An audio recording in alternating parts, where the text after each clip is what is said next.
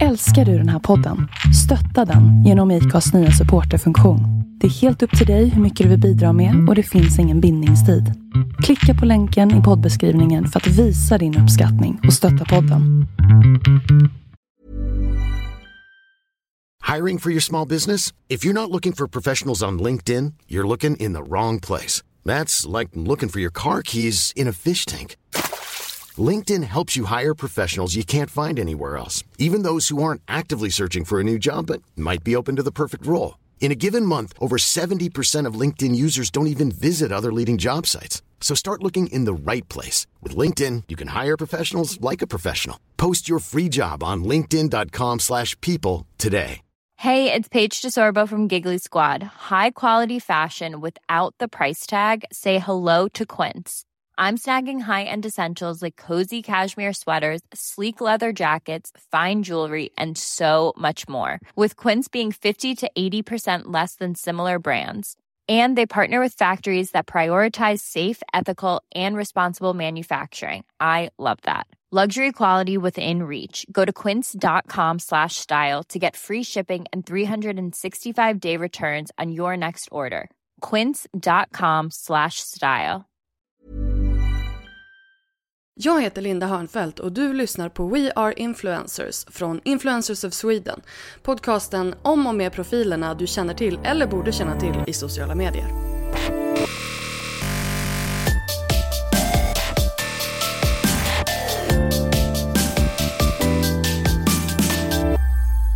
Hej och varmt välkommen till en helt ny säsong av We Are Influencers. Eh, en podcast från Influencers of Sweden där jag, Linda Hörnfeldt, är grundare. Jag har också skrivit boken Yrke Influencer och eh, nu kommer jag att ta er med på en helt ny säsong där vi faktiskt kommer att fokusera på mikroinfluencers. Det här är väldigt spännande och någonting som ligger varmt kring mitt hjärta. Vi kommer alltså att sätta strålkastaren på mikroinfluencers. Det här är profiler som med en tydlig nisch och ett relaterbart liv har byggt en karriär i sociala medier utan att ha de här enorma följarskarorna. Men vad är då kriterierna för att anses vara en mikroinfluencer? Ja, eh, de tolkningarna är många, men jag brukar personligen säga att eh, man ligger mellan att ha från ett par tusen följare på Instagram då, eller eh, besökare i månaden på bloggen. Och upp till det att man faktiskt kan tjäna sin heltidslön på bloggen. Eh, för det är ju det det handlar om. Man är ju mikro. Makroinfluencers är sådana som, kom, som kan tjäna sin heltidslön på bloggen. Um, det här kan ju betyda att man kanske har ett jobb på sidan av eller att man har ett eget företag men man kanske inte tjänar hela sin inkomst på på just sina sociala medier utan man kanske, mm, ja, man kanske har en konsultbusiness på sidan av till exempel. Men man har ju ofta en tydlig nisch och en nära relation till sina följare. Det är ju trots allt det allting handlar om. Närheten till sin publik. Först ut i den här specialsäsongen är Elin Häggberg som bloggar på Teknifik. Hon har ju bara bloggat i några få år men hon har redan lyckats bygga en välbesökt och högkvalitativ blogg. Hon har vunnit priser och kanske viktigast av allt tagit en expertroll i sin nisch som är teknik. Elin var från första början väldigt strategisk i sina val och hur hon har arbetat med att få bloggen att växa. Och jag är otroligt glad att få dela med hennes kunskap till er här idag. Så här kommer min intervju med Elin Häggberg.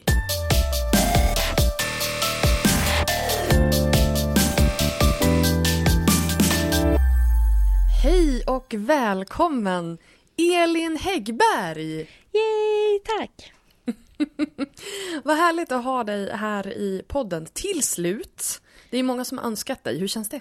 Det känns ju superkul och lite så här otippat på ett sätt för jag känner mig fortfarande ganska som att ingen riktigt vet vem jag är. Fast samtidigt tänker jag att säkert många medlemmar som har önskat. Ja, du är ju lite så här, eh, ibland, ibland i vårat community, eh, inte ibland utan i vår community, så känns du lite som den här Eh, du har förkroppsligat den här eh, ja, men hon som kom in sent i gamet eh, men är supernischad och så sen bara har så här swoopat hela, eh, hela sin nisch.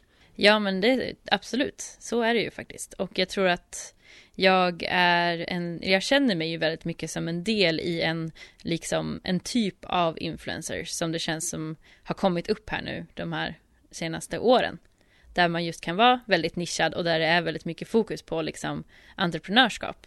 Alltså kan inte du eh, berätta, du driver ju en blogg då som heter Teknifik, en eh, teknikblogg. Och du började ju blogga då, då för, vad är det, ett och ett halvt år sedan, inte fullt? Två år sedan. Så två år sedan, är det så pass? Mm. Eh, men kan inte du berätta, hur, vad är din bakgrund och hur kom du dit? Jag har alltid varit väldigt eh, fascinerad av eh, bloggar som koncept och som uttrycksmedel, vad man ska säga. Eh, jag gick på gymnasiet, så pluggade jag musik och gjorde ändå mitt projektarbete om bloggar. Eh, och det var ju liksom 2007 typ. Så det var ju precis när liksom det började komma lite så här kända bloggare i, i, Sverige. Ja men precis i boomen. Mm. Och jag var så fascinerad av så här, vad är det som gör att vissa lyckas så bra, vissa blir stora medan, för då höll ju också alla på och bloggade, alltså var och varannan person hade ju liksom en dagboksblogg liksom. Men vissa gjorde det så bra mm. och det vill jag liksom undersöka, så det gjorde jag som mitt projektarbete. Och eh, där någonstans så liksom eh, så föddes den här eh, ja, men liksom en, en, en, ett intresse för, för bloggen. Men eh, sen så, det jag konstaterade då var ju också att det tar mycket tid och jag insåg att för att göra en framgångsrik och bra blogg så måste man ha tid att lägga på det.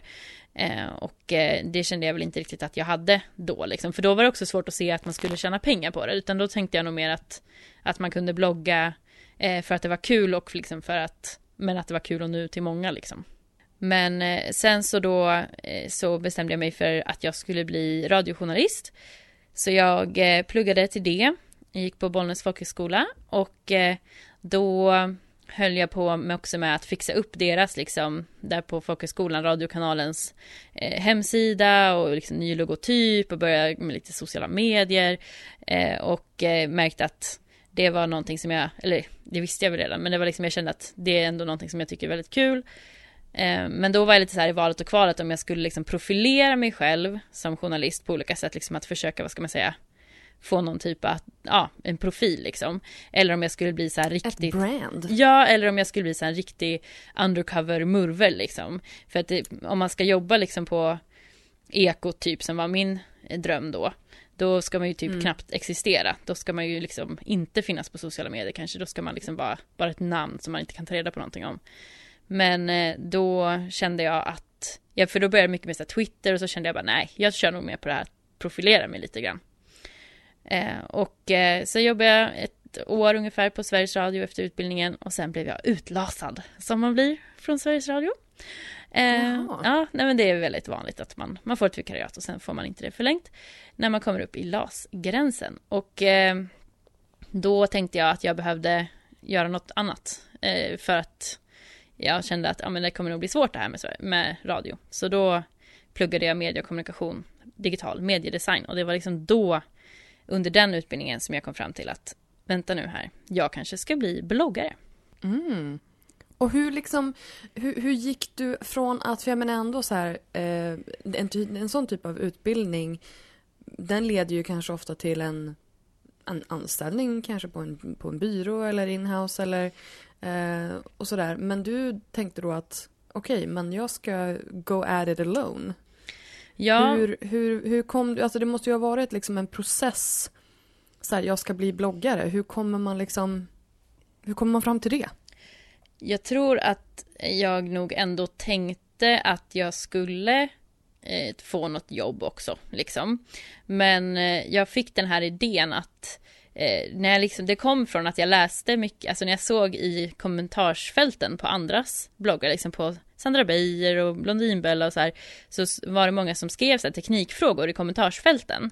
Och så tänkte jag så här, men varför mm. frågar de, varför frågar de dem om så här teknikgrejer? Det är ju inte det som de skriver om liksom. Och jag såg, och jag, och jag mm. menar alla, de flesta stora bloggare, liksom, ja men Elsa Billgren och alla de här har ju gjort någon liten tutorial någon gång så här hur de redigerar sina bilder och sådär för de får väldigt mycket frågor om det. Eh, men då Precis. tänkte jag att så här, ja men okej, men var vänder man sig egentligen med sådana här frågor? Och sen började jag tänka ännu mer så här, vart vänder sig, vad vänder man sig, alltså kvinnor kanske generellt sig med teknikfrågor eller för att få inspiration. Och så tänkte, för jag själv har alltid varit väldigt teknikintresserad liksom och alltid fått väldigt mycket teknikfrågor från andra eh, om hur man gör olika saker och liksom tagit reda på själv och jag tänkte men jag läser ju inte ens själv några teknikbloggar, jag läser inga tekniktidningar. Eh, och varför gör jag inte det? Nej men de är de är ofta skrivna av män och det är väldigt mycket fokus på produkter, det är inte så personligt överhuvudtaget, liksom det är bara så här, här är de fem nya kamerorna och så här jämför de sig mot varandra. Men inte typ, det här är kameran du ska ha om du ska fota det här, eller så här kan du använda den här mm. liksom.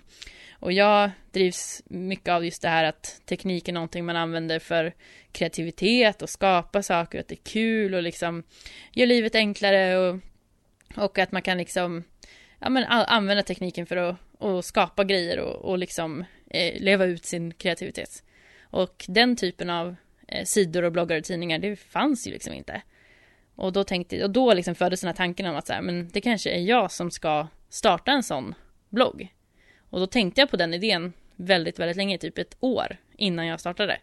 För att jag kände att ja, det här kommer ta tid, men alltså kräva mycket tid att lägga ner på att skriva och göra innehåll och allting, men eh, då formades ändå en idé liksom som var så här, ja men samma som man, när man får en företagsidé liksom, som jag kan tänka mig att folk kan få, mm. så här, mm. jag ska starta den här restaurangen, mm. jag ska starta det här klädföretaget. Så kände jag med den här bloggidén, att jag var så här, det här är en företagsidé. Alltså, jag tycker, jag, jag blir så, jag blir väldigt fascinerad att du, att du liksom hade en väldigt lång startsträcka innan och att du var väldigt liksom förberedd. Men, men också hur den här nischen kom till dig. Um, att du just tittar på att det faktiskt fanns ett behov också. Och inte bara så här, det här är kul. Men kändes det som en naturlig grej att det skulle vara just teknik eller var det liksom behovet som, som avgjorde? Jag tror att det på något vis föll, alltså sammanföll, liksom att jag, kom, jag såg att det här behovet fanns, men anledningen till att jag såg att det fanns var ju för att jag själv är väldigt intresserad. Och jag kände liksom att eh, det här är bloggen jag själv skulle vilja läsa.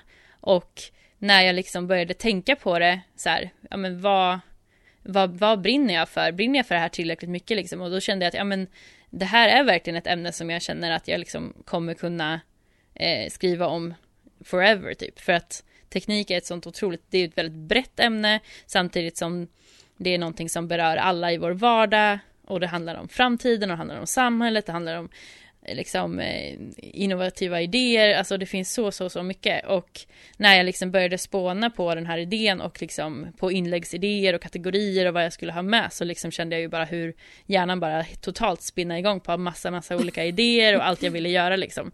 Eh, så då kände man, det är då man känner att man har träffat rätt när det gäller nisch liksom att ah. man verkligen går igång på det liksom. Men det var lite, alltså hade du frågat mig för tre år sedan eller kanske fyra år sedan, om jag skulle bli teknikjournalist så hade jag nog bara varit så här, va? Nej, det kommer jag inte bli liksom. För då, ja, det var liksom när jag, när jag insåg att just bloggen var vägen att gå eh, för att skapa det här innehållet så då kändes det så rätt, men jag skulle ju aldrig ha liksom sökt mig till att jobba på en tekniktidning liksom. Men du, du kallar dig ändå teknikjournalist. Eh, det tycker jag är lite intressant för att det här är ju någonting som vi också diskuterar just det här, vad är skillnaderna och, och likheterna mellan en bloggare och en journalist? Vad, vad skulle du säga mm, är, är de skillnaderna och, och likheterna?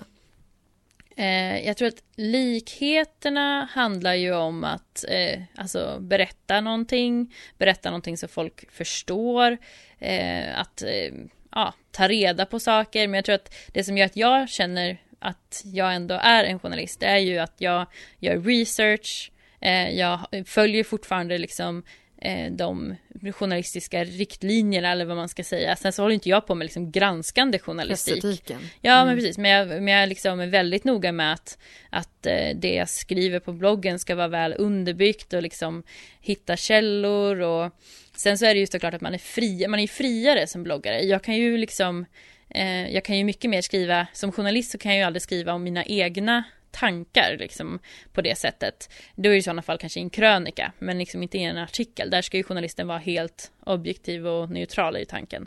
Men på en blogg så får jag ju faktiskt skriva vad jag själv tänker och det är det som blir kul för att då kan man då behöver man inte hela tiden hitta någon annan som ska säga saker, eh, utan man kan faktiskt bara liksom själv dela med sig av sina tankar och det är väl en av de stora skillnaderna liksom. Men att det här att paketera saker och, och hitta bra vinklar och bra rubriker och sånt, det är ju det som journalister gör. Det där tycker jag är intressant, alltså att du säger att du behöver man inte hitta någon annan som tycker saker. Jag har aldrig tänkt på det på det sättet, men det är ju precis det journalister gör. Det är därför de tar in, alltså det är därför man intervjuar, det är därför man eh, liksom behöver kommentarer från folk för att få en vinkel på det. Um, men att man som bloggare då kan göra det själv. Men alltså din journalistiska bakgrund, skulle du säga att det är någonting som har varit Alltså hur användbart har det varit för dig som, som bloggare? Är det någonting som kan vara ett, ett bra verktyg för bloggare generellt att, att ha en journalistisk bakgrund? Ja, absolut. Jag tror att eh, en stor grej är ju att den här, äh, just att man fokuserar väldigt mycket på så här, vad är grejen? Vad är grejen? Vad, kommer, vad är folk intresserade av? Liksom fingret i luften. Att jag kan liksom plocka upp ett ämne och, liksom bli så här supernyfiken och bara gud det här måste jag ta reda på mer. Att inte bara liksom gräva inåt i sig själv utan att faktiskt titta runt omkring sig. Eh, det är ju en viktig sak som man lär sig när man eh, jobbar som journalist. Eh, och sen för mig har det varit väldigt mycket också med research, alltså att, att jobba som journalist har ju gjort mig väldigt eh, både liksom bra på research men också att man liksom att det, det ligger naturligt för mig att hela tiden underbygga saker med research. Eh, och det tror jag att, att många bloggare gör naturligt, men jag tror att det är en sån sak som jag tror att många bloggare också skulle kunna bli bättre på. Att faktiskt fördjupa sitt innehåll och fördjupa det man gör eh, genom att faktiskt bygga på med kunskap från fler källor och eh, ta reda på mer liksom. Berätta om namnet. Hur blev det liksom teknifik? Jag har ju hört väldigt många säga teknikfik. Alltså det är ju typ det som liksom alla säger. säger det där. Varje gång jag träffar någon så är det så här, åh ja det är du som gör den här bloggen, teknikfik. Och så känner man sig så taskig när man ska säga rätta folk det första man gör. Bara, ja, teknifik, exakt. Eh, det, det är för jag går omkring och gör det också. Jag bara, magnifik, teknifik. Exakt. Ja, förlåt, nu snodde jag ja, Ja, men det är helt sant. Det, det var så jag tänkte när jag eh, kom på det namnet. Jag höll på och spånade. Jag borde leta upp det. Jag, jag, någonstans så finns det ju liksom någon anteckning som jag har gjort. Jag har suttit och spånat på namn. Eh, men eh, då tänkte jag liksom att det skulle vara någonting med teknik obviously. Men att det skulle liksom i alla fall eh, säga någonting om tech eller teknik, någonting så här. Och så vill jag gärna att det skulle kännas lite positivt samtidigt som det skulle vara väldigt unikt, enkelt att skriva, att jag skulle kunna få alla konton och domänen och No pressure liksom. Nej men verkligen. Ganska mycket som ska liksom stämma. Men jag var, så jag höll på med till exempel så här Tex-Mex så här grejer liksom, alltså, med som tech till CSK, Tex-Mex. Eh, ja men så här, ja, massa så här konstigt, jag försökte hitta någonting som lät liksom sådär lite flashigt och kul. Eh, och sen så kom jag på då teknifik som var liksom teknik och magnifik som jag tänkte det i mitt huvud. Så smakade lite på det och så testade jag det på lite andra och så de flesta sa att de tyckte att det lät okej. Så då körde jag på det och det kändes ju bra. Det har blivit en hit tycker jag. Ja men jag, jag håller med. Sen är det så här att din blogg är ju, den är ju väldigt mycket som ett online-magasin. Med tanke på att det är väldigt så här, det är inte, det är inte väldigt eh, personligt, det har ju personliga inslag men, men det är inte speciellt personligt utan det är liksom väldigt fokuserat på ämne och så här åtta tips och tio sätt och det, det är liksom väldigt eh, artikligt. Mm. eh, men du är också väldigt bjussig på dig själv i bild. Hur har du tänkt där liksom kring just det här hur du själv liksom syns i bloggen? Och just det här hur du har tänkt så här Teknifik versus Elin Häggberg? Så att, um, så att din person också liksom brandas i det här? Ja, nej men jag har tog ett väldigt medvetet beslut liksom kring det att jag skulle vara mycket på bild.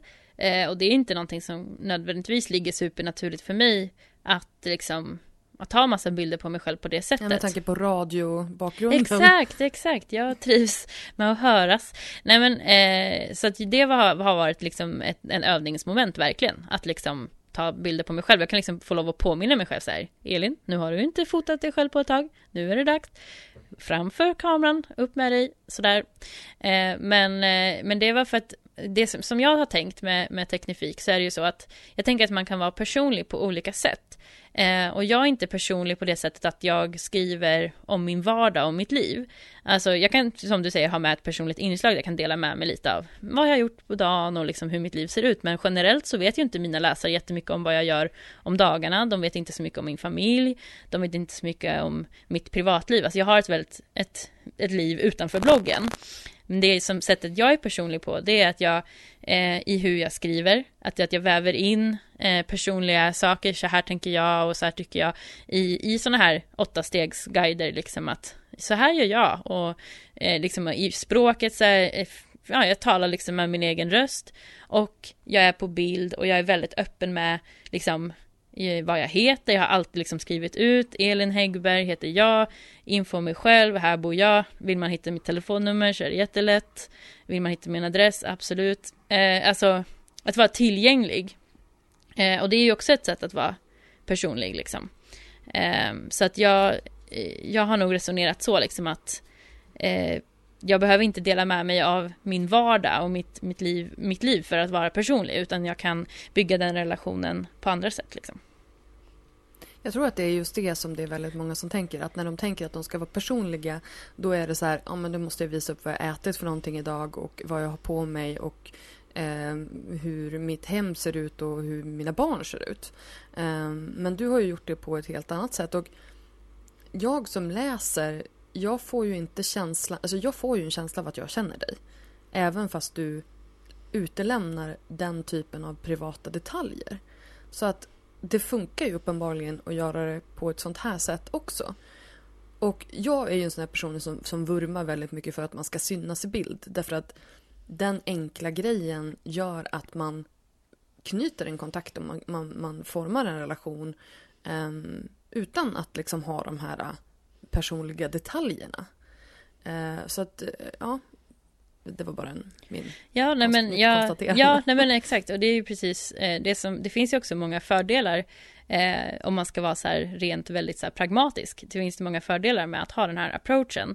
Eh, dels så behöver jag inte stressa upp mig över att fånga saker i min vardag till bloggen. Jag behöver inte tänka att det här är ett blogginlägg. Vänta nu, nu har jag, jag måste fota maten innan jag äter den eller jag måste ha det städat hemma för att ta en fin bild.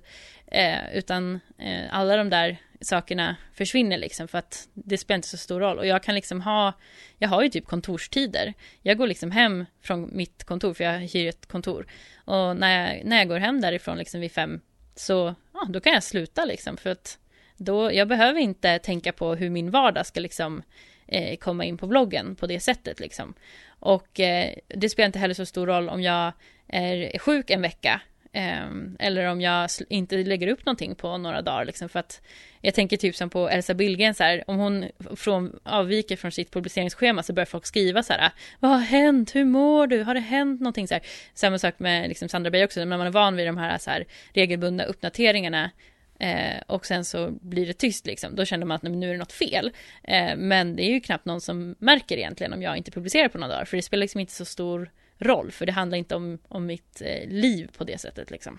Och det är väldigt skönt ska jag säga, för att det gör att man kan ha en lite mer eh, distanserad eh, relation till det, liksom att eh, så att man inte känner att man, hela ens liv slukas upp och att allting måste handla om bloggen. Nej, för det är, jag tror att det är just den där alltså att, och det är också kanske anledningen till att det blir liksom övermäktigt många gånger för man känner att man måste som vara på hela tiden. Man ska vara redo att ta en bild hela tiden. Man ska, det ska vara Insta-stories och det ska, du vet, det, man ska vara så närvarande hela tiden. Men hur tänker du kring den, för nu har jag pratat mycket om bloggen, men hur tänker du kring, kring andra sociala kanaler eh, som kanske tenderar då att vara lite mer personliga? Ja, men precis. Och där använder jag Instagram och Instagram stories mycket för att ha lite mer den här personliga och vardagliga kontakten, vilket jag tycker är superhärligt och jag har en väldigt fin relation med mina läsare där. Eh, och eh, det, där blir det ju lite mer så här, de som är mer intresserade av mig som person och som vill ha den här mer personliga relationen och vara lite mer en del i min vardag och det kan man vara via Instagram. Eh, sen så är jag fortfarande inte, alltså jag lägger inte upp eh, supermycket liksom. Jag kan absolut liksom gå några dagar ibland och inte lägga upp någonting alls. Speciellt nu känns det som sen flödet liksom dog lite grann. Så, eh, så känns det inte. Och då kan jag också känna att vissa dagar så har jag inte så mycket att lägga upp på stories för att jag sitter framför min dator i nio timmar i sträck och sen så går jag hem. Och då känner jag att äh, det kanske inte är så mycket att dela med sig av. Men, eh, men där har jag ju mycket mer liksom det här ändå Just också för att det har ju växt ur mitt personliga konto som jag hade innan. Så att jag har ju alla mina kompisar och familj och släkt och alla är ju där liksom. Så att det blir naturligt att dela med sig av det här lite mer personliga. Men det känns, det tycker jag känns väldigt lagom liksom på, på Instagram. Um, och det är väl egentligen det sociala mediet som jag använder mest eh, vid sidan av bloggen. Ja, det är min diskmaskin som låter i bakgrunden, jag vet inte om du hör det, men om ni hör något som gurglar märkligt så är det min diskmaskin. Ja, nej, jag hör ingenting. Nej, okay, men, eh, jag tror det kanske kommer kanske in på bandet. Vi får se. Ja, precis. Eh, radioproducenten bara ja. hör, hör, alla de där små grejerna. Ja. Eh, men eh, vi, vi backar bandet lite grann. När du då skulle lansera den här bloggen. Eh, kan du inte berätta om liksom, tillvägagångssättet Eh, hur det för du, du planerade ju jättelång tid innan liksom. Ja men precis. Eller hur? Ja, och det bygger ju på att jag, jag såg ju det här som en affärsidé. Så jag gick ju jag gick till Drivhuset som är ett sånt här ställe där man kan utveckla sin affärsidé när man pluggar. Och jag gick ju på universitetet då. Så då gick jag till Drivhuset och så sa jag, hej, eh, jag har en affärsidé som jag vill utveckla. Jag ska starta en teknikblogg. Och de bara, okej, okay, vi fattar ingenting, men berätta.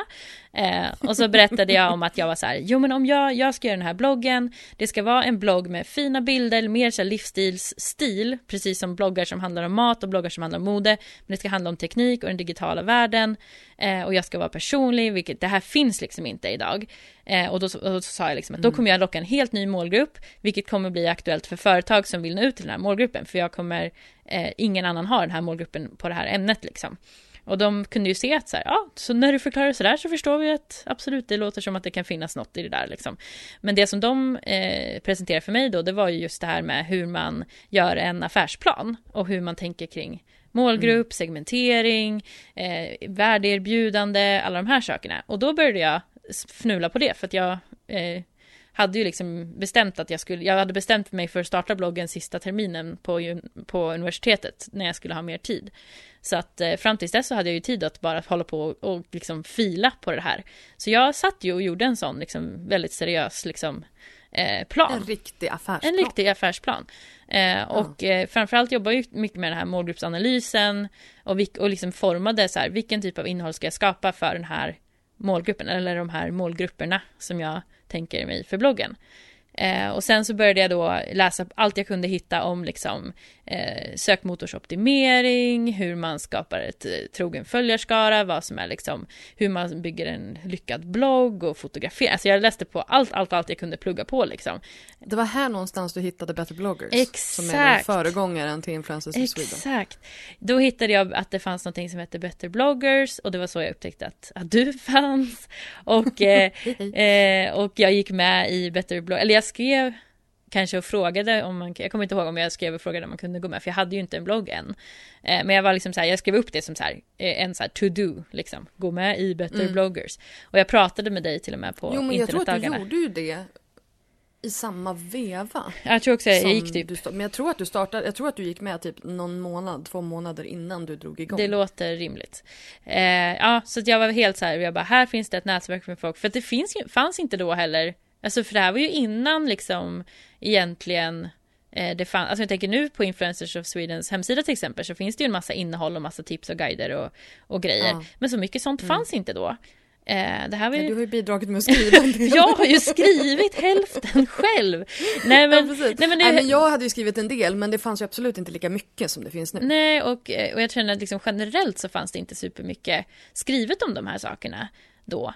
Eh, nej, speciellt inte på svenska. Nej, verkligen inte. Och den svenska marknaden, om man ska säga så, för influencers är ju lite annorlunda än den amerikanska, eller liksom den ja, engelskspråkiga. Det så det är andra saker som gäller här. Så jag var ju mycket inne och läste på andras bloggar när folk har skrivit om hur de har startat sina bloggar och sådana saker. Och vad de tycker är viktigt på en bra blogg och liksom allt sånt där läste jag på och så liksom skrev jag upp så här, okej, okay, fina bilder är viktigt. Eh, okej, okay. eh, ta bilder på mig själv. Okej, okay. typ så här. så jag höll på liksom, jag var väldigt sådär superuppstyrd med allt det här. Det är liksom nördigt helt enkelt. Jag nördade ner ja. totalt i det här. Ja. Så när jag sen då startade bloggen, då var det ju för det första supernervöst. För att jag kände att nu har jag lagt så mycket tid och energi på det här. Att det känns, liksom, man öv, överförbereder och sen blir det bara så läskigt. Eh, men jag kastade mm. mig ut och jag drog igång och jag skrev ut på Facebook liksom att så här, hej världen, Eh, här kommer jag, nu har jag startat en blogg och eh, den kommer handla om teknik för jag tycker att teknik och jämställdhet är viktigt. Fler tjejer måste typ eh, upptäcka sitt intresse för teknik. Vi måste, det måste finnas någonstans att vända sig, bla bla bla. Ja, någon sorts liksom brandtal typ. Och jag fick så mm. positiv respons. Alltså jättemånga som skrev mm. så här, åh det här är så bra, det här behövs verkligen, jag har längtat efter det här. Och då kände jag ju bara, mm. okej, okay, det här är rätt. Eh, let's do this liksom. Och då hade jag förberett två inlägg som jag hade publicerat liksom på sidan när jag liksom mm. lanserade den. Det var eh, Så synkar du dina kontakter på telefonen så att de inte försvinner. Fortfarande en storsäljare. Fortfarande en storsäljare. Alltså seriöst har det varit topp 10 i de här två åren. Topp 10 varje månad. Mest lästa inlägg. Och det andra var ja. Så lyssnar du på podcast. Också ett topp 10 mest lyssnare eh, varje månad. Eh, lyssnat. Varje alltså, läst. Ja, varje den, månad. den eh, förstår jag inte riktigt. Nej, men, men det ja. är så många som googlar alltså vad är podcast? Hur lyssnar man ja. på podcast? Och också så här bästa ja. podcast-app, Android och sådana saker. nördade där så att, ja. Man ska, och det är mm. en viktig del i min blogg är ju också så här, man ska aldrig underskatta, eller vad ska man säga, man ska inte överskatta vad folk vet, eller man ska, man ska, man ska eh, hur ska man lägga fram det här på ett bra sätt? Man ska inte alltid utgå från sig själv utan Nej, finns, och att, vi, vi, vi höll ganska bra koll ja, och att på just det här. Många, alltså, vi har alla kunskapsluckor. Alltså det är många saker man kan ja. och många saker man vet men det är väldigt mycket man också känner att man inte har koll på och inte orkar ta reda på heller. Eh, för det bara känns som mm, tid som mm. man inte orkar lägga ner. Och eh, den typen av kunskap vill ju jag göra lättillgänglig liksom. Eh, ja, och det är ju verkligen någonting du har gjort. Du har liksom paketerat det på ett sätt som är otroligt lättsmält. Ja, och det är ju verkligen... Och det är väl det som, om jag får analysera din framgång. Ja, varsågod. Be my guest. Ja, tack. Tack. Eh, lättsmälthet.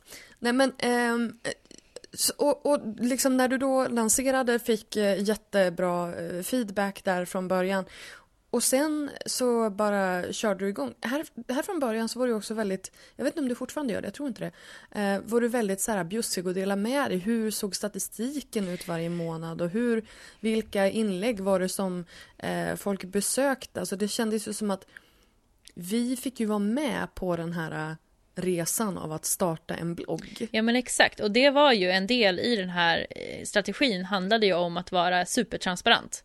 Eh, att jag var så här, mm. jag är själv nyfiken på sånt här. Och jag önskar att fler skulle dela med sig så att man fick lära sig av andra liksom. Eh, och då tänkte jag att en grej som ska vara min grej, det ska vara att vara supertransparent. Eh, och inte liksom skämmas, eller vad man ska säga, för min statistik, utan att använda den för att lära mig saker själv och dela med mig av de lärdomarna. Så att, eh, och jag tror att den här, just den här grejen också, ta med folk på resan, det är ju ett väldigt eh, Alltså det är ett effektivt sätt att bygga relation, det är ett effektiv, effektivt sätt att skapa engagemang. Det är ju storytelling. Jag berättar ju historien om att starta en blogg samtidigt som jag startar en blogg. Ja. Har du hört podden eh, Startup? Mm, något avsnitt här och där. Ja, men det finns en, en, en, amerikansk podd från Gimlet Media. Nu har de ja, den, ja, jag tänkte på startup, jag tänkte på startup-podden.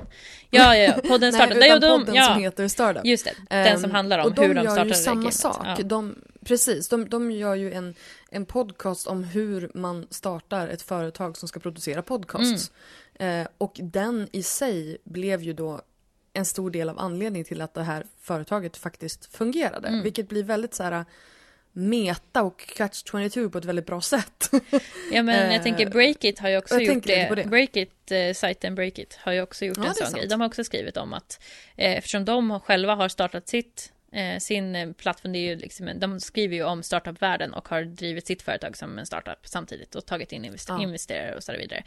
Och det är ju väldigt bra sätt att dela med sig av den kunskap som man får på vägens gång och det blir ett sätt att få folk engagerade i resan liksom.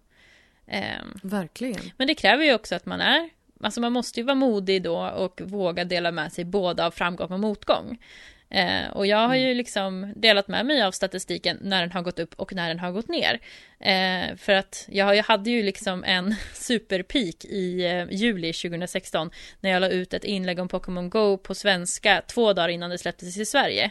Och fick det mest liksom, jag fick ju toppinlägget på Google om allt med Pokémon Go. Eh, och då gick ja. ju, alltså då tredubblades ju min, mitt läsarantal liksom. Eh, från, men det var ju en peak. Och sen dalade det ju lite grann. Även om mm. det såklart fortfarande mm. stannade på en mycket högre nivå än vad det var innan så var det ju ändå inte eh, alltså, och jag var hela tiden väldigt... Du behöll inte alla. Nej, och jag var väldigt öppen med det också. Att så här, vad beror den här piken på? Ja, men det är de här inläggen som har dragit. Eller det här drog en stor skar. Det var därför det blev så mycket eh, den här månaden. Och sen så var jag liksom så här, och vi får se. Och sen så när det gick ner nästa månad så jag, ja, den här månaden har trafiken gått ner lite grann jämfört med förra månaden. Vilket inte är så konstigt, för nu är inte det här inlägget lika aktuellt längre, eller vad det nu kan vara. Eh, och att det här och det här hände, och förra månaden hände det här, den här månaden var det lite mer så här. Men jag har liksom fokuserat på att hitta så här, men vad är mina stabila siffror just nu? Alltså vad är min stabila nivå? Inte så här, vad hade jag förra veckan när det var supermycket? För det är bara en flux liksom. Eh, och när man delar med sig av de grejerna så Alltså det är ju ingen som är så här, åh nej, nu går det dåligt för dig för nu har du sämre trafik. Utan alla var ju bara så ja, ja men såklart, liksom. Det blir ju bara logiskt. One size fits all, seemed like a good idea for clothes. Nice dress. Uh, it's a t-shirt. Until you tried it on. Same goes for your healthcare. That's why United Healthcare offers a variety of flexible, budget friendly coverage for medical, vision, dental, and more. So, whether you're between jobs, coming off a parent's plan, or even missed open enrollment, you can find the plan that fits you best. Find out more about United Healthcare coverage at uh1.com. That's uh1.com. I'm Sandra, and I'm just the professional your small business was looking for. But you didn't hire me because you didn't use LinkedIn jobs. LinkedIn has professionals you can't find anywhere else, including those who aren't actively looking for a new job but might be open to the perfect role, like me. In a given month, over 70% of LinkedIn users don't visit other leading job sites. So if you're not looking on LinkedIn, you'll miss out on great candidates like Sandra. Start hiring professionals like a professional. Post your free job on linkedin.com/people today. There's never been a faster or easier way to start your weight loss journey than with PlushCare. PlushCare accepts most insurance plans and gives you online access to board-certified physicians who can prescribe FDA-approved weight loss medications like Wigovi and Zepbound for those who qualify. Take charge of your health and speak with a board-certified physician about a weight loss plan that's right for you. Get started today at plushcare.com slash weight loss. That's plushcare.com slash weight loss. plushcare.com slash weight loss. Eh, så att, ja. Hur har du tänkt liksom, om man, om man, för man, jag tänker liksom att, att det finns ju, eh, när det gäller trafik så finns det ju gäng olika ben. Och då har du ju eh, SEO, alltså från Google. Och sen har du ju direkttrafik och du har eh, referrals, alltså sådana som kommer från inlänkningar från andra sajter. Och sen har du eh, social, alltså sådana som kommer från sociala medier. Hur har du tänkt där kring uppdelningen? För jag vet att du har varit väldigt duktig på att jobba med PR men sen har du också varit du är också svinduktig med att eh, optimera innehåll för Google. Vad har din strategi där varit? Ja, men jag, har ju jobb, jag har jobbat väldigt mycket med att bygga SEO Eh, och det är ju en typ av, dels en typ av marknadsföring för bloggen, alltså ett sätt att hela tiden se till att man får in nya människor som kan bli liksom trogna följare. Eh, och eh, sen så att samtidigt inte bara producera innehåll för Google utan att eh, sen också göra innehåll mer för de lite mer liksom, trogna läsarna, eh, sånt som kanske de här lite mer personliga inläggen, eh, inlägg som handlar mer om att kanske att vara egenföretagare, vara entreprenör, vara bloggare.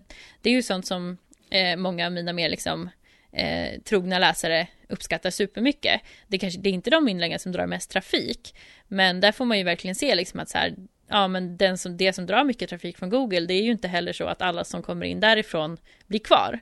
Så att eh, det där får man ju liksom, ja man får göra lite avvägning eh, och man får, men det som är bra med att satsa på eh, sökmotorsoptimering är just att man eh, når ut mycket längre, alltså man kommer ju utanför sina egna kretsar eh, och det har ju gett mig också många möjligheter med just eh, medie, med, medie med, med, nu stammar jag, mediemedverkan Eh, för att folk, ja men typ som när liksom mitt favoritprogram i hela världen, P1 Morgon, eller var det Studio 1? Eh, ja, båda de två är mina favoritprogram i hela världen. Eh, ringde mig och bara, hej, eh, det är ju snart Game of Thrones premiär på nya säsongen och vi har sett att du gillar Game of Thrones. Och då fick jag prata om det och jag bara, det här är min dröm, det här är min dröm. Händer det här, nyp i armen. Ja, det var alltså, helt underbart. Game of Thrones, hur då hade jag liksom skrivit, ja men då hade jag skrivit något inlägg någon gång, då har ju de googlat liksom typ Game of Thrones, Sverige, fan eller inte vet jag någonting. Någonting har de ju googlat och fått fram det här inlägget och hittat mig och, och, och då ser man så här, ja det här är en riktig person, hon verkar hyfsat vettig. Eh, här kan vi hitta hennes telefonnummer, okej vi ringer henne. Och så det är ju liksom, om man ska vara lite strategisk som bloggare och man vill nå ut i de traditionella medierna, vilket är ett bra sätt att bygga kredibilitet för sitt personliga varumärke, så är det ju eh, alltså sökmotorsoptimering ett sjukt effektivt sätt. Jag jobbade ju stenhårt också från dag ett på att jag skulle ha eh, alltså genomsnittsposition ett på när man googlar teknikblogg. Vilket jag har. genomsnitt? ja, men att, eh, för att man måste ju titta på den genomsnittliga positionen, det är det viktigaste. Alltså vad de flesta, vilken position man hamnar på hos mm. de flesta, eftersom alla har ju ett personligt Google, den lilla filterbubblan som man lever i. Så mm. eh, men då betyder ju det att när någon person tänker så här, nu ska jag hitta en teknikblogg, då vill ju jag vara nummer ett där. Mm. Vad hade du mer för mål som du satte upp när, när du började? Vad, vad hade du då att, ja men det här ska jag ha åstadkommit inom ett, två, fem år? Två får du säga nu då för att du har inte mer att gå på. Ja, nej men precis. Jag hade ju absolut ett mål. Alltså jag satte, jag är ganska bra på att sätta väldigt realistiska mål, nästan lite under drivna mål. Mest för att jag vill bara sätta mål som jag kan nå. Så att jag vill bara garantera mig själv att jag kommer nå målet. Eh, mm, så att jag fegade ganska mycket. Och jag, eh, och framför och också ställde in mig på att ha tålamod. Att så här, eh, man bygger inte en framgångsrik blogg på några dagar. Eh, utan man får vara beredd på att vara in it for the long run liksom och jobba på det här över tid. Mm. Så att jag, jag var väldigt sådär liksom att ah, om, liksom, då kanske jag kan ha tusen läsare i månaden efter fem månader, sex månader liksom. Eh, och sådär. Eh, och, eh, men jag har ju haft som ett långsiktigt mål har ju varit att ha 10 000 läsare i veckan för det är någon sån där gräns som man hela tiden hör när folk är så här när, när kan man börja tjäna pengar på en blogg? När, är man en, när kan man räknas som en liksom, lite större bloggare? Ja men det är 10 000 läsare mm. i veckan.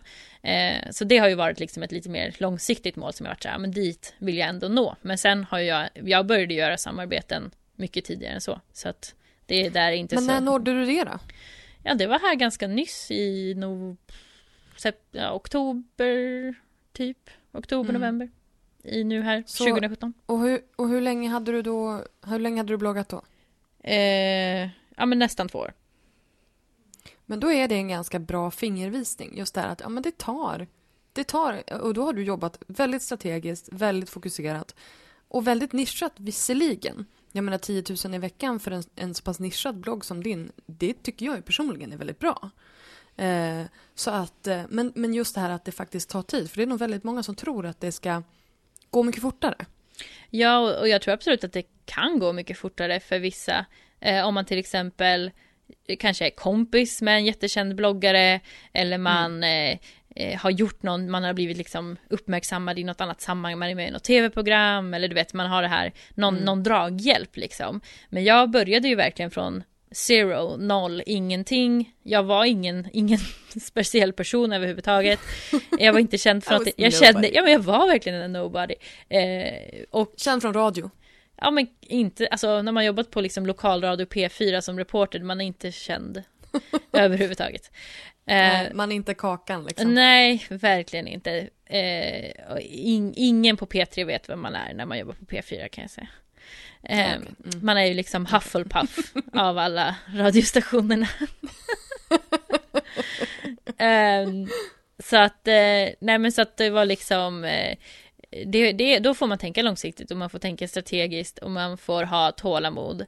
Och man får vara jäkligt ödmjuk, bjussig, generös och bara tänka vad kan jag ge? Vad kan jag ge? Vad kan jag ge? Så har jag tänkt hela tiden. Vad kan jag ge eh, andra? Och sen så när jag har förtjänat att få någonting, då kommer jag få det. Så tänker jag.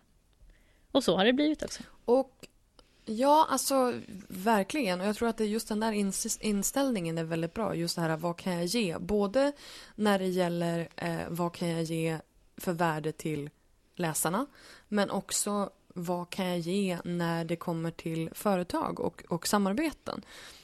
Eh, som du sa innan, du, du lyckades ju börja göra samarbeten och börja liksom, mm, ja, men få, få uppmärksamhet från företag eh, innan du hade nått de här magiska 10 000. Eh, kan du inte berätta om det? När, när kom du igång med att tjäna pengar på, på bloggen? Ja, det var... Jag fick min första förfrågan där på sommaren. Eh, jag tror det var, om det var i maj, kanske april, maj. Eh, och då var det väl så här, det här ett ganska klassiskt egentligen så här SEO förfrågning, liksom någon som ville ha en länk bara. Medan, men mm. jag då i mitt i esse eh, av att vara så här, det här är min affärsidé liksom. Så jag förhandlade i alla fall om det där till att jag skulle göra en guide och jag skulle få rimligt betalt. Så jag tror jag tog två fem eller något i betalt. Så det är ändå över våran minimigräns i influencers Du kommer över våran rekommenderade gräns ja, precis på första, det är väldigt bra. Eh, och det, men det var väldigt viktigt för mig någonstans att sätta ett värde direkt på det jag gör liksom. Eh, sen kan jag ju överprestera det ju totalt liksom för de pengarna. Jag skulle ju aldrig sätta mig och göra ett sånt samarbete idag för de pengarna för att det tog lång tid liksom och så. Men jag kände att ja, men det, var, det var ändå första grejen, det var pengar och jag var väldigt sugen på att komma igång liksom med det, med samarbeten. Eh, så att eh, ja, så det var, då gjorde jag mitt första. Sen så liksom, jag gör inte, vad ska man säga, mitt företag byggs ju inte av eh, reklamsamarbeten. Det ska jag ju vara helt ärlig med att säga. Eh, och jag är väldigt, väldigt kinkig med vilka samarbeten jag gör och jag har tackat nej till väldigt mycket pengar. Just för att jag är mycket mer mån om mitt varumärke än vad jag eh, känner att jag måste ha de där pengarna. Eh, utan jag väntar hellre på ett samarbete som känns rätt och som känns bra och som jag känner att jag kan skapa det här värdet, liksom win-win-win situationen. Där läsarna får något, jag mm. får något, företaget får något. För jag vill inte heller samarbeta med ett företag där jag känner att så här, ni vill ha någonting som jag inte kan ge. Alltså, ni vill synas på min plattform, men jag vet att mina läsare kommer inte vara intresserade av er produkt, för den, ja men liksom, den kanske är för komplicerad, det är på en annan nivå. Eh, det kommer inte, ni kommer inte känna er nöjda med det här samarbetet för att det kommer inte ge några positiva resultat för er. Eh, och mm. det kan ju verka lite mot, alltså så här, konstigt på ett sätt att man liksom att jag är den som, när de kommer till mig och ändå säger jag nej. Men det är för att jag, jag vill verkligen också känna att jag kan leverera. Annars så tycker jag inte att det är värt det liksom. Och att det kommer att kännas bra alltså hos, hos publiken också. Ja, verkligen. Att de kommer att tycka att det känns bra, alltså både gentemot dig, att du får, får bra feedback på själva samarbetet, men också att det såklart funkar för, för kunden. Ja men verkligen. Och det är ju, det är ju väldigt viktigt eh, tycker jag att om man ska vara seriös att man Ja men att man verkligen funderar på vilket värde man levererar för kunden Att man är väldigt noga med, jag har alltid varit väldigt väldigt noga med vad det är jag säljer. Alltså att jag säljer inte exponering. Alltså jag säljer inte eh, ögon på varumärke i första hand, alltså visningar eller vad man ska säga. Det är inte det stora värdet i det jag säljer. Vill man ha jättemycket exponering och visningar så kan man köpa Facebook-annonser. Då kommer man få jättemycket visningar. Eh, det jag säljer det är ju eh, en liksom Eh, kvalitativt innehåll till en väldigt nischad målgrupp eh, där, jag, där jag vet vilket innehåll som mina läsare gillar och jag kan skapa det innehållet. Eh, jag ger, det ger väldigt positiva associationer till, det här, till varumärken som samarbetar med mig just för att jag är en profil i den här branschen eh, och jag har fått, jag har väldigt mycket kraft liksom bakom det jag säger och jag har väldigt mycket kraft bakom mina länkar eftersom jag har jobbat så mycket med SEO. Alltså alla de här sakerna, det är ju det jag säljer in till företag. Jag säljer inte in, ja men ni kommer få 10 000 visningar. För det kan inte jag, det kan inte mm. jag garantera att de kommer få. Mm. För det är inte så det funkar. Utan jag... Alltså så bra, så bra sagt, så bra sagt. Men det är, man måste veta vad man säljer, det är superviktigt. För att det är många ja. företag som inte vet vad de köper nämligen. Det är ju många som hör av mm. sig och bara vet att de ska jobba med bloggare. Och de vet inte vad det är de ska köpa. Så att eh, Nej. Eh, men jag har ju också gjort en, eh, en företagssida, för du pratade ju innan om så här, vad är Elin och vad är Teknifik? Eh, och Mm. jag har ju ändå tänkt att jag vill ju ändå att jag vill ändå bygga någonstans en profil kring mig själv som Elin Häggberg och att Teknifik är en produkt som jag skapar. Eh, just för att kunna hålla mig lite fri och kunna göra fler saker liksom. Eh, och eh, då har jag gjort en företagssida, elinhagberg.se, där jag liksom har riktat mig till företag som jag vill samarbeta med, för det är ju en helt annan målgrupp än de som kommer till bloggen. Eh, och där har jag ju liksom, där visar jag så här, ja, men här är mina tjänster som jag erbjuder och där på min sida om Teknifik då så är jag väldigt transparent med här är hur min statistik ser ut och den är också lite i underkant just för att jag känner att jag vill inte ta mina högsta bästa siffror liksom utan ja, men jag kan keep it a little cool men jag liksom jag håller lite underkant och var, rundar neråt och eh, sen så har jag skrivit ut väldigt tydligt så här varför ska ni samarbeta med mig? Hur funkar det? Vad kostar det? Jag vet inte om det finns så många andra som skriver ut vad samarbeten kostar. Nej, alltså det tror jag är väldigt ovanligt. Ja, och, eh, men det här blev ju, vi var på The Influencer Convention så hade vi en workshop där precis på slutet som jag blev så otroligt inspirerad av. Vad hette han? Mikael Rosén? Jag höll ju på att prata om poddar samtidigt så att jag Ja, var inte med. sorry. Och jag minns tyvärr inte vad han Nej, hette. eh, Nej precis, alla var så här bara det här var så himla bra. Ja, men för det bara, var "Jaha, jättebra." och han- med för att jag pratade om poddar. men det var jättebra också. Men han pratade i alla fall om att så här, ni måste våga skriva ut vad det kostar. Eh, ni måste göra det Ja. lätt för folk att köpa liksom. Eh, och då var, tog jag honom på orden och var så här, okej, jag eh, går i täten här lite grann och jag tänker att just för att transparens har varit mitt varumärke så tänker jag att då skriver jag ut så här, kostar från Ja. det här liksom. Och vad ingår. Och, eh, och det har jag fått jättepositiv respons, respons från företag. För att när de kommer till mig då, om de har varit inne där och läst, så har, säger de så här, ja vi är intresserade av den här, det här priset liksom, det här paketet. Och då vet de redan vad det kostar. Och då det, får man inte heller lika mycket sådana här konstiga skambud. Du får en schampoflaska och sådana grejer liksom. Eh, och att jag har en sida som jag kan hänvisa folk till också när, när de kommer in och är så här, ja men eh, vi är intresserade av ett samarbete och som jag känner att det känns relevant så kan jag säga, ja men här kan du läsa mer om hur ett samarbete går till och vad det kostar. Och då får folk direkt, och då kommer, kommer de, kan de komma tillbaka och säga, ja men vi vill ha den här nivån liksom. Jätte, jätteintressant, för det där är du ju som sagt, det där är du nog ganska ensam om att vara så transparent med, med priserna. För att det många tänker så här, ja men det är en konkurrenssituation liksom. Men du har ju kanske ingen direkt konkurrens där ute i just din, din nisch. Men du, du säger alltså när du säljer, hur, hur går du till vägen när du säljer? Hur mycket är du och hur mycket är det företag som kommer till dig?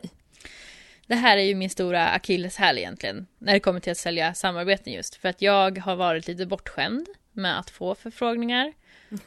Och jag får förfrågningar om andra saker också. Alltså jag, jag har liksom alltid haft saker på gång.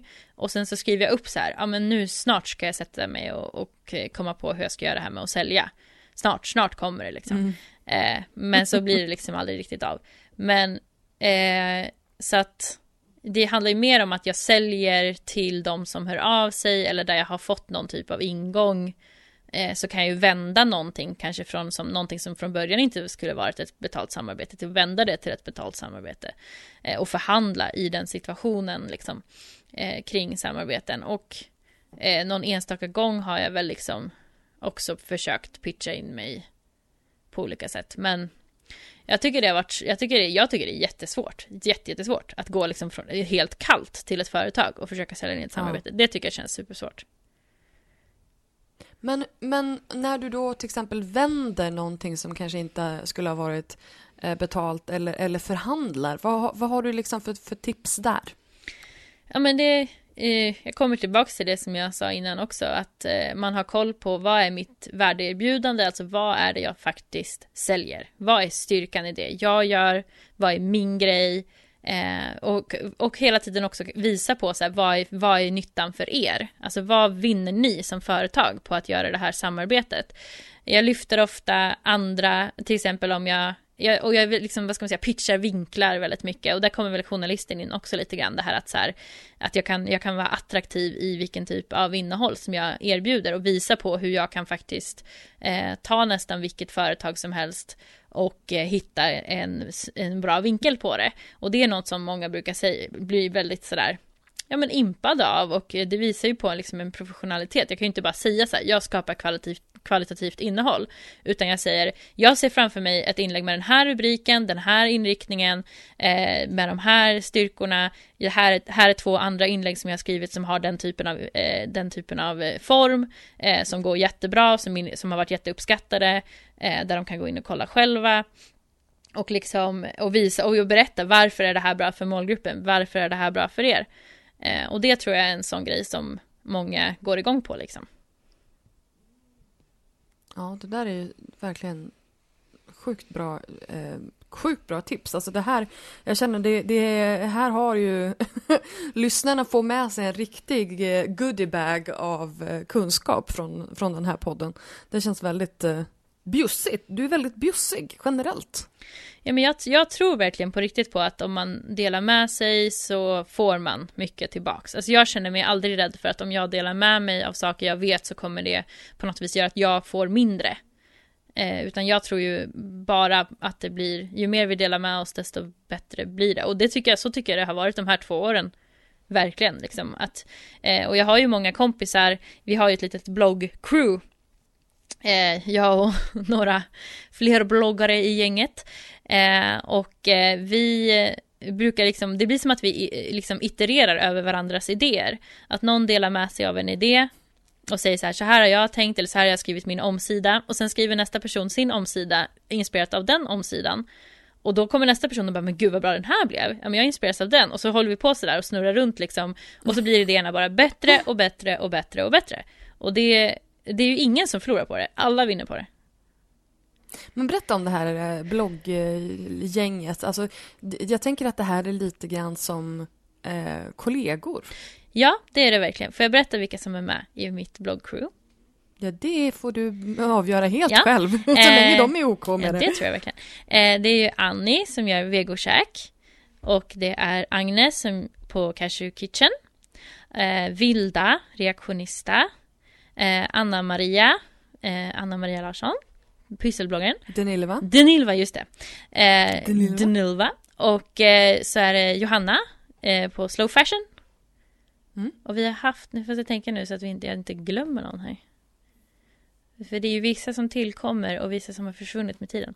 Men eh, vi i alla fall har liksom en, en chattgrupp på Messenger. Och eh, kan hjälpa, man kan bolla priser, mm. man kan bolla idéer. Eh, och vi har haft... Som en minivariant av Influencers of Sweden. Ja, men man kan behöva ha liksom en lite tajtare grupp Alla ibland, de där liksom. är för övrigt med i Influencers Ja, men såklart. Det är, så vi... är det så ni ja, har hittat ja, varandra? självklart. Det är så vi har hittat varandra. Ah, eh, verkligen. Vad roligt. Ja, ja, ja. Absolut. 100 procent. Och, eh, ja, men, och det är liksom det är så vi har, eh, alltså det, för att det kan bli svårt att prata i en grupp med liksom över hund, alltså flera hundra personer. Absolut, Där kan Nej, man... ja, alltså det var, inte, det var inte så jag menade. utan, men, men, men, det är liksom sam, det fyller samma syfte. Exakt, det fyller samma syfte och vi, vi är kollegor som stöttar varandra. Eh, vi träffas, vi har haft så här workations ihop där vi liksom hjälps åt och, och jobbar på olika idéer och bollar med varandra och liksom man kan få saker gjort som man kanske inte fått gjort annars. Eh, alltså ja, vi har lärt mig så sjukt mycket av dem alltså. Och eh, det är jätte, jättehärligt. Det där gör mig väldigt glad på en personlig nivå. Ja. Eh, alltså att, att jag någonstans har faciliterat att ni eh, har det här med varandra liksom. Ja. Vilket, vilket värmer mig, mitt hjärta. ja men det är verkligen eh, så, så, så viktigt att, eh, att ha kollegor tror jag i den här branschen mm. liksom. Och eh, jag vet att jag har ju lyssnat på många avsnitt av den här podden innan och det är ju många som har sagt liksom att de har varit ganska ensamma. Och inte haft någon att prata med och inte haft någon att bolla med och dela med sig av den situationen man är i. Och det tycker jag låter väldigt jobbigt. Och jag är jätteglad. Ja men eller hur. Att jag ja. har fått ha de här eh, personerna att eh, stötta mig mot liksom, under den här perioden. Och vi har ju alla, eh, vi har liksom olika typer av bloggar, det är olika inriktningar, det är olika stil och ämnen. Men mm. vi har alla mötts i liksom det, just det här drivkraften liksom och attityden och inställningen. Och, och det är väldigt, väldigt inspirerande och kul att få ha sådana vänner omkring sig. Det faktum att du är väldigt så här, eh, bjussig och bidrar väldigt mycket till community, det blev ju väldigt tydligt när du blev utsedd till årets medlem 2016 i, i Influencers of Sweden. Eh, eh, och det här var ju också eh, den första av flera priser. Sen vann du ju också årets varumärke vid Stora Influencerpriset eh, nu i höstas, 2017. Ja, gud. Hur tänker du kring det? Liksom att, är det, är det en, en jag bara, det, det, känns ju väldigt så här att jag sitter där, det är våra priser. Liksom jag, men alltså, eh, jag vill ändå så här, det är ju inte, det är inte jag som har, eh, liksom, det var ju en jury som valde ut här. Ja.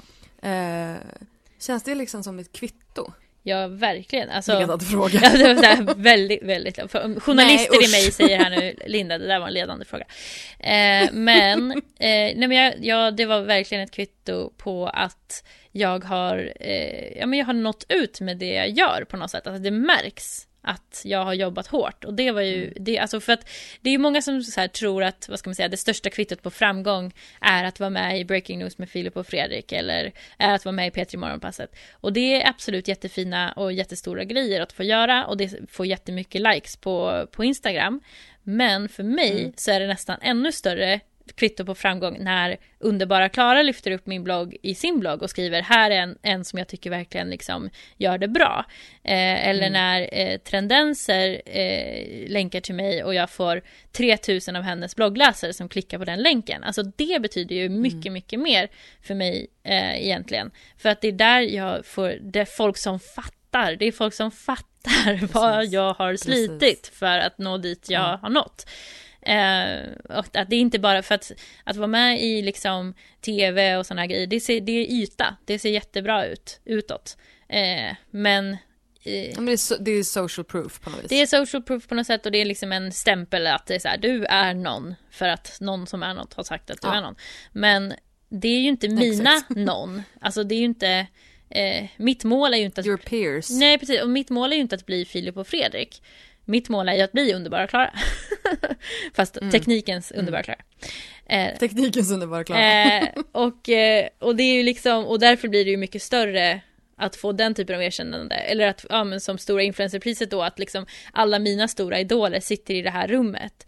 Och, eh, och jag eh, mm. får det här priset. Det var ju liksom eh, hur stort som helst verkligen.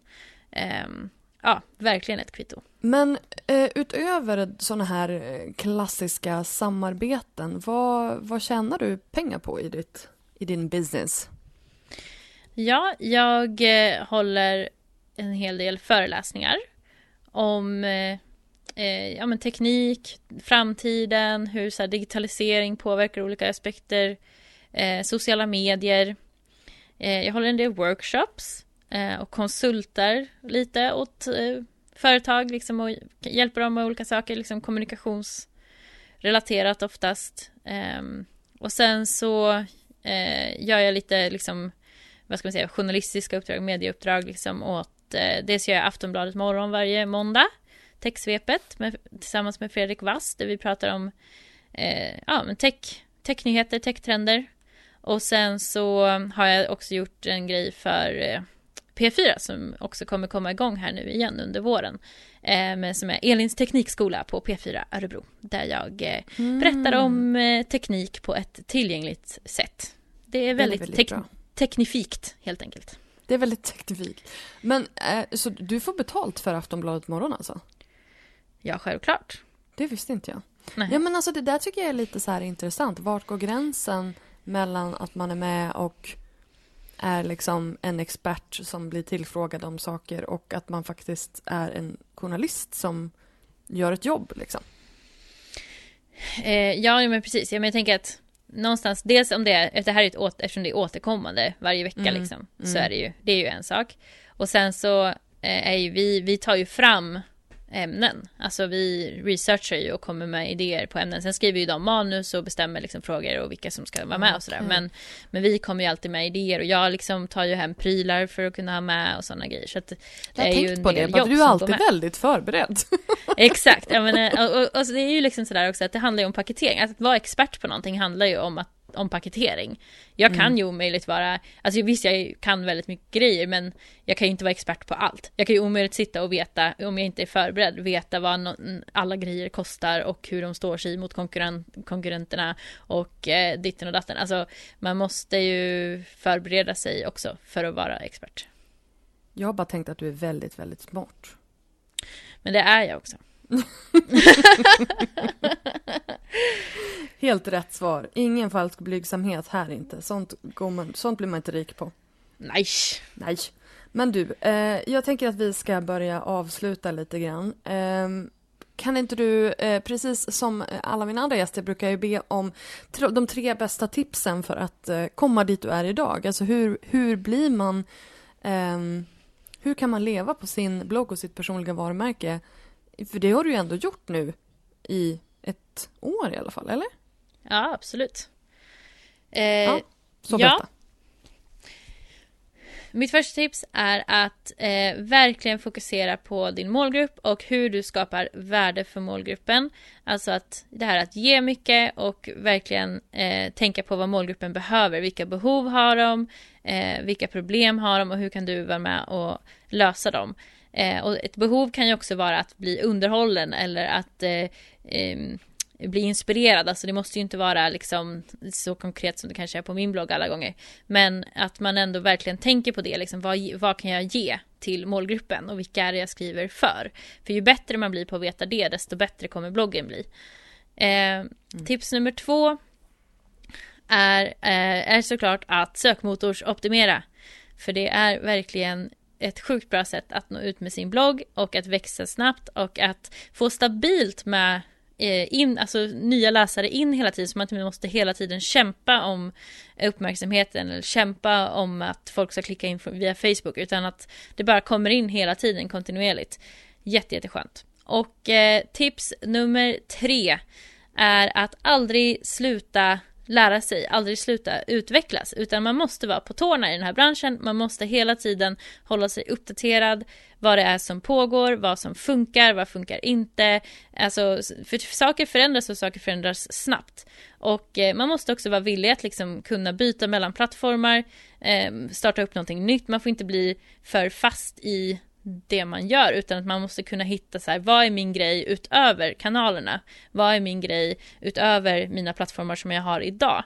Eh, och kan man hitta den liksom essensen i det man gör och det man ger till sina följare så kommer man kunna hålla över tid. Grymt. Jättebra tips verkligen. Eh, tack snälla Elin för att du var med i podden. Tack för att jag fick vara med.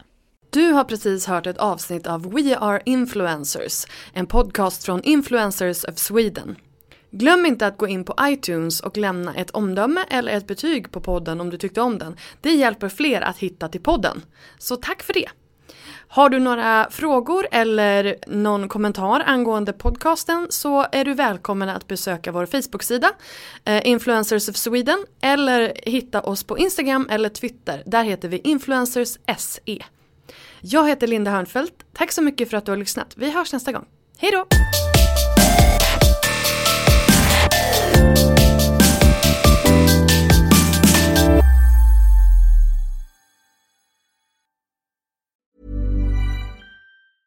Planning for your next trip? Elevate your travel style with Quince. Quince has all the jet setting essentials you'll want for your next getaway, like European linen, premium luggage options, buttery soft Italian leather bags, and so much more. And is all priced at 50 to 80% less than similar brands. Plus, Quince only works with factories that use safe and ethical manufacturing practices. Pack your bags with high-quality essentials you'll be wearing for vacations to come with Quince. Go to quince.com/pack for free shipping and 365-day returns. Mom deserves the best, and there's no better place to shop for Mother's Day than Whole Foods Market. They're your destination for unbeatable savings, from premium gifts to show-stopping flowers and irresistible desserts. Start by saving 33% with Prime on all body care and candles. Then get a 15-stem bunch of tulips for just $9.99 each with Prime. Round out Mom's menu with festive rosé, irresistible berry chantilly cake, and more special treats. Come celebrate Mother's Day at Whole Foods Market.